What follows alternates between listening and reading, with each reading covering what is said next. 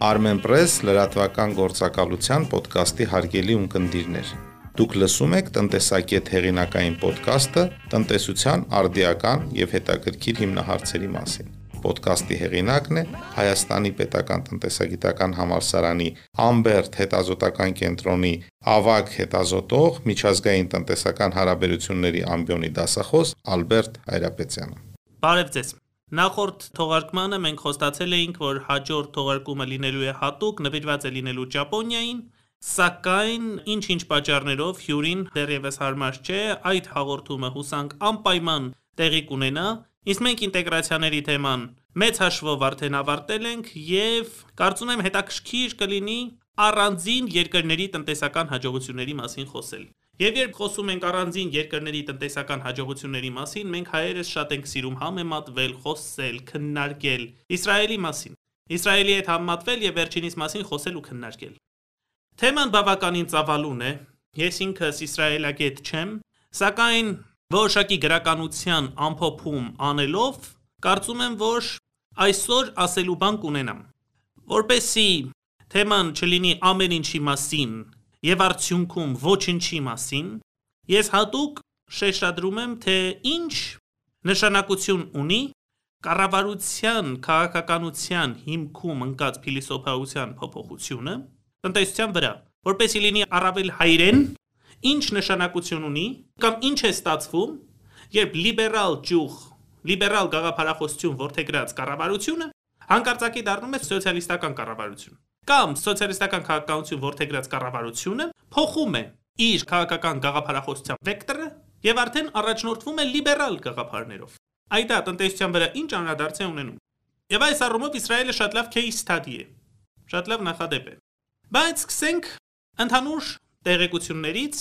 եւ նոր արդեն կխոսենք այն նախադրյալների մասին, որոնք ստիպեցին երկրին փոխել տնտեսական քաղաքականության հիմքում ընկած փիլիսոփայությունը։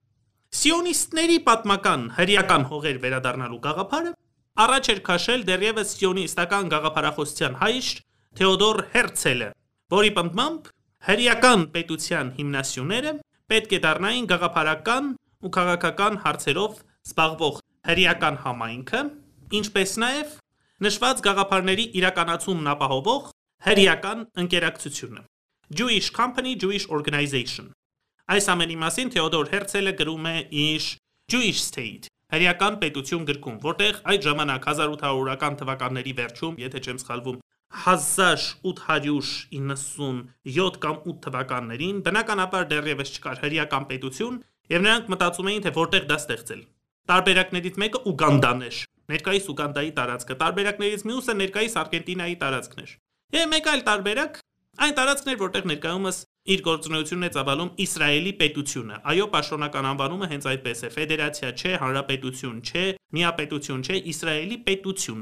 Հենց այդպես էլ պաշտոնական անվանումն է։ Վերադառնանք սիոնիզմին։ Սիոնիզմի նպատակը այսպես կոչված հրեական բուրգի շրջումն էր, որը ենթադրում էր գյուղատնտեսության հենքի վրա հրեական միջին խավի ձևավորում Պաղեստինի տարածքներում հետագա տարածման եւ զարգացման հերանեկարով։ Ինչ ենք հասկանում հրեական բուրգ ասելով։ Նախ այն ժամանակ Պաղեստինում հрьяաները դեռևս մեծամասնություն չէին եւ կար հիմնական քաղաքային միջին ցածր խավ եւ արդեն գալիս էր հрьяաների նվազագույն անմիջական շփում հողի հետ։ Այս բուրգը շրջվում է եւ քաղաքային միջին խավը դառնում է ավելի քիչ, բուրգի գագաթին է հայտնվում, իսկ արդեն դրա ստորոտին կամ հիմքում կիբուցներն են, մոշավներն են եւ նմանատիպ այլ նախաձեռնություններն են։ Նպատակն այն էր, որ հрьян կապված լինի իր հողին, որ հрьян հնարավորինս շատ զբաղվի գյուղատնտեսական գործունեությամբ։ Դա էր այն ժամանակվա գաղափարախոսությունը։ Այդ մարդկանց, որոնք այն ժամանակ իշխանություն էին։ Եվ ինչև հрьяական պետության ձևավորումները, այնտեղ կային քվազի պետական ինստիտուտներ։ Հիմա մենք բոլոր այդ ինստիտուտների մասին, ներառյալ կիբուցների, մոշավների մասին, որոնք շարքային ունկնդրին ոչինչ չեն ասում, բոլորը կփորձենք բարձաբանել։ Առաջին հրեական կոնգրեսի կողմից 1897 թվականին ընդունվեցին Գեուլատ Հաարեցի դրույթները, որոնք ենթադրում են ցարական Ռուսաստանի եւ արևելյան Եվրոպայի ճնշումներին ենթարկվող հрьяաների վերադարձը դեպի Պաղեստին, որն իրականացվեց մասամբ, քանի որ հрьяաների մեծ մասը նախընտրեց հաստատվել ԱՄՆ-ում։ Հрьяական բնակչության ավելացման արդյունքում 1909 թվականին հрьяական պետությունում, որը նրանք այդ ժամանակների համար անվանում էին Յիշուվ, այսինքն հрья բնակչության հավաքական անվանումն էր այդ ժամանակ, որը օգտագործվում էր մինչև Իսրայելի պետության հիմնադրումը։ Սա էնդոնիմն էր իրենց։ Պետության հիմնադրումից հետո իրենք սկսեցին իրենց անվանել Իսրայելի պետություն։ Մինչև այդ ինչպես էին այդ տարածքը կոչվում, որտեղ հрьяաներ էին ապրում՝ Յիշուվ։ Յիշուվում երկու կարևորագույն իրադարձություններ տեղի ունեցան 1909 թվականին։ Առաջինը հրեական առաջին քաղաքի Տել Ավիվի հիմնադրումն էր։ Իսկ երկրորդը հավասարության կամ էգալիտարիստական գաղափարախոսության վրա հիմնված համայնքների կամ այլ կերպ ասած կիբուցների ստեղծումն էր։ Ինչ ենք հասկանում կիբուց ասելով։ Կիբուցները գյուղատնտեսական գործունեությամբ զբաղվող համայնքներ են, որտեղ ոչ ոք շահույթ չի ստանում եւ արտադրված բերք ու բարիքը բաժանվում է հավասարաչափ։ Մինչև այսօր էլ կիբուցներ Իսրայելի տարածքում կան։ Ես ինքս առիթ եմ ունեցել Էին Գեդի կոչվող կիբուցում լինել։ Եվ հрьяաների միգրացիան դեպի պատմական հողեր բացատրվում էր գերիշխող սոցիալիստական եւ լեյբորիստական գաղափարախոսությամբ, որը ըստ նրանց կարող էր հрьяաներին պաշտպանել ինչպես հակասեմիթականությունից, այնպես էլ կապիտալիստական համակարգի կողմից շահագործումից։ Եվ պատահական չէ, որ պետականության հիմնադրումից ի վեր 3 տասնամյակ երկիրը ղեկավարում էր Իսրայելի նու լեյբորիստական եշեի թարգմանի աշխատավորական Labor Party, թե անգլերեն ասենք Labor Party, աշխատավորական կուսակցությունը։ Լավ, հիմա հարց կարող է առաջանալ, ինչև առաջ անցնելու։ Այս մարտիկ իրենց մեջ ունենալով բավականին ուսյալ անհատականություններ Միթե չէին գիտակցում տեխնոլոգիական առաջընթացի կարևորությունը, ինտենսիվ տնտեսական աճի կարևորությունը, գիտատաշ կամ գիտելիքահեն, հիմա մոդա է այդպես ասելը, տնտեսության կարևորությունը եւ այլն։ Իհարկե հասկանում էին։ Սակայն պատկերացրեք այդ ժամանակ ազգային նվիրական երազանք։ Հազարավոր տարիներ առաջ կորցրած հայրենիքը պետք է գնային հետ վերցնեին։ Իմ տրամաբանությամբ փորձեցին իրենք ընտրել այնպիսի գաղափարախոսություն, որը ենթադրում է ավելի աշխատատաշ տնտեսության ստեղծում։ Ոչ թե կապիտալատաշ, ոչ թե գիտատար, այլ աշխատատաշ, որբեսի հնարավոր լիներ այդ մարդկանց կապել հողին, որբեսի հնարավոր լիներ հետևողականորեն ավելացնել հարյաների բնակչությունը։ Ներգաղթի միջոցով ալիա են անվանում իրենք իրենց լեզվով։ Հիմա դրա մասին կխոսենք։ Եթե լիներ կապիտալատաշ, այդ տնտեսությունը կամ գիտատաշ, Չնայած այն ժամանակվա գիտությունը բնականաբար այսքան զարգացած չէր, որքան մեր օրերում։ Ապա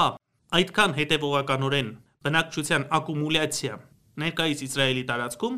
որ այն ժամանակ կոչվում էր Palestinian Mandate, բրիտանական կայսրության մաս էր կազմում, եթե կարելի այդպես ասել։ Հնարավոր չէր լինի։ Քաղաքական մոտիվները գերակայում էին տնտեսական մոտիվներին։ Պետք էր բնակչության անընդհատ ավելացում։ Հենց դրա համար էլ այս մոդելն էին ընտրել, որը հետագայում նրանք փոխեցին։ Հիմա դրա մասին եք խոսենք։ 4 հիմնական ալիաներով կամ փուլերով է ընթացել հрьяաների ներգաղթը դեպի Իսրայել։ Ալիա առաջին 1881-ից 1903 թվական։ Ցարական Ռուսաստանում տեղի ունեցած ջարդերի հետևանքով հрьяաները գնացին դեպի ներկայիս Իսրայելի տարածք։ Ալիա երկրորդ 1904-ից 1914 թվականներին Եվրոպայում իշխող հակասեմիթական դրամատրությունների ֆոնին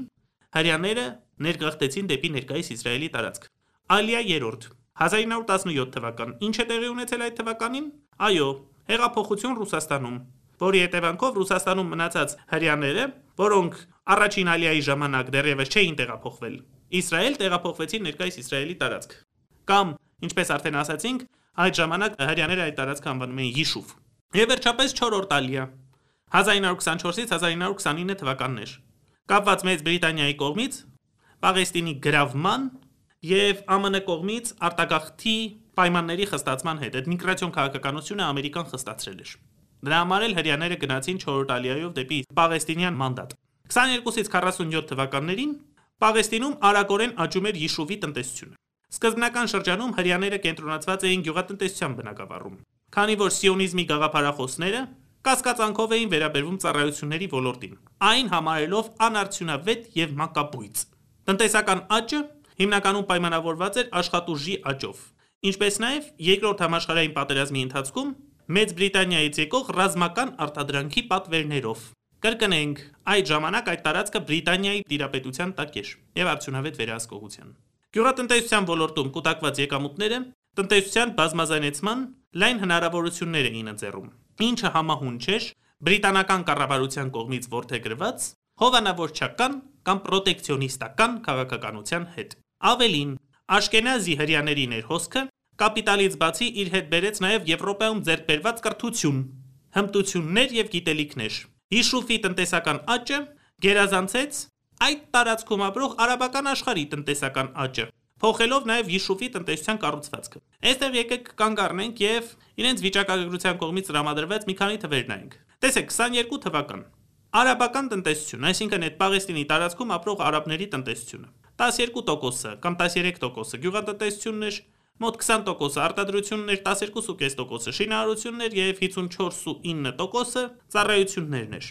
Այս ամենը Յայիր Ահարոնին իր The Israeli Economy Routledge-ում տպագրված գրքում շատ լավ ներկայացրել է։ Հрьяաների տնտեսությունը. Մի փոքր այլ կառուցվածք ուներ՝ գյուղատնտեսություն համարյա 40%, արտադրություն. 5% համեմատենք արաբական 20%-ի հետ։ Շինարարություն. 1.8%,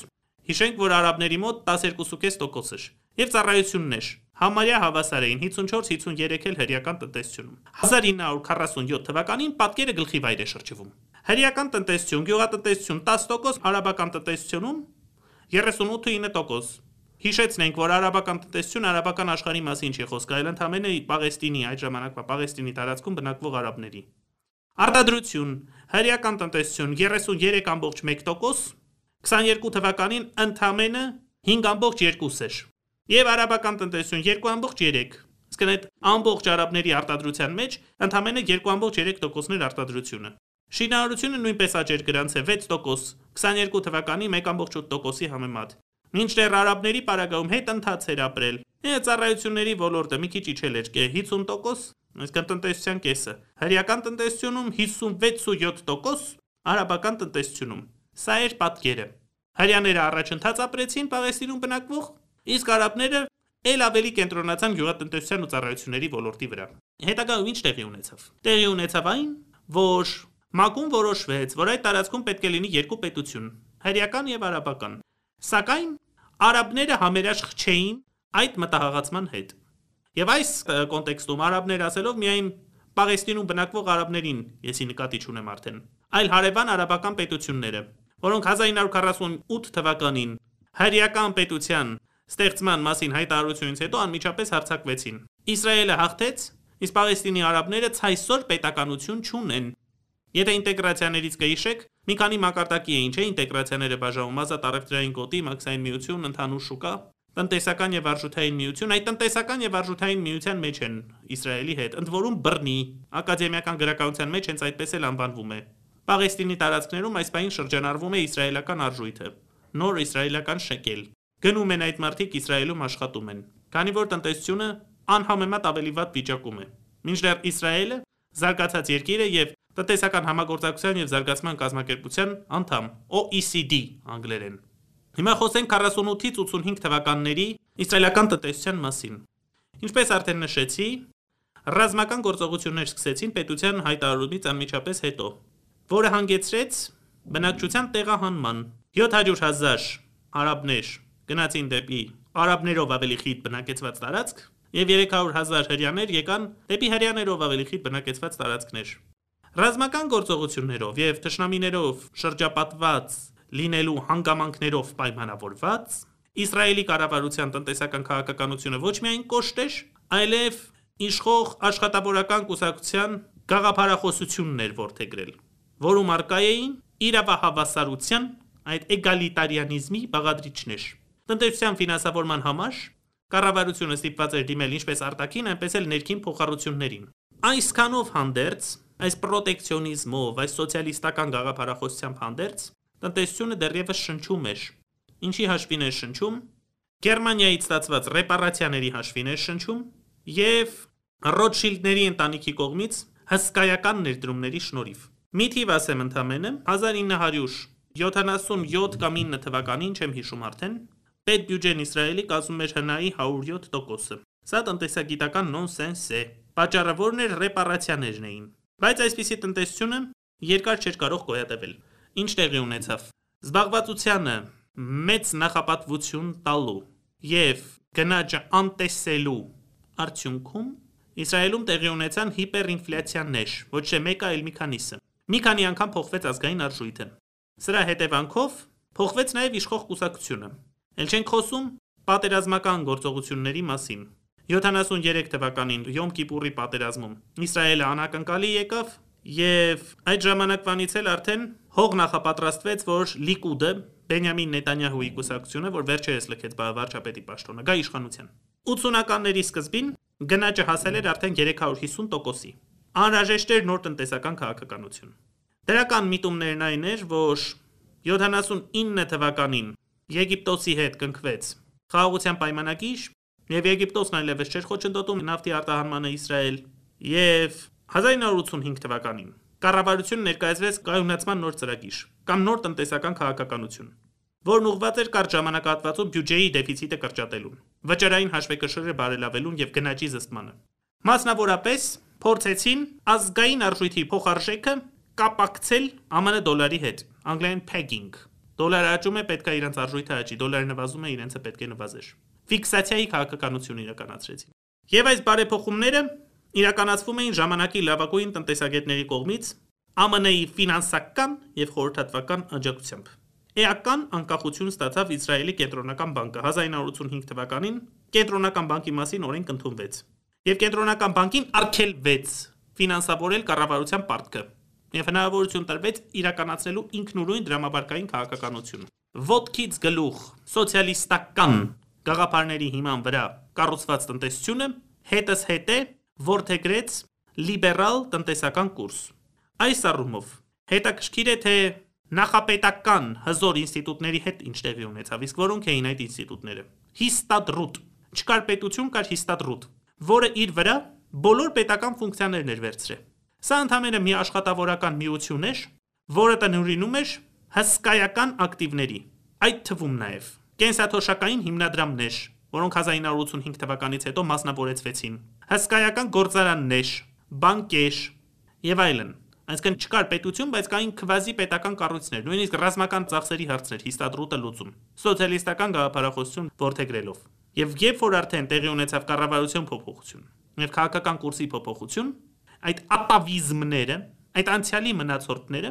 հետս հետե արդեն սկսեցին ունենալ սիմվոլիկ նշանակություն։ Հիստադրուտը վերածվեց նրան, ինչի կոչված էր լինելու։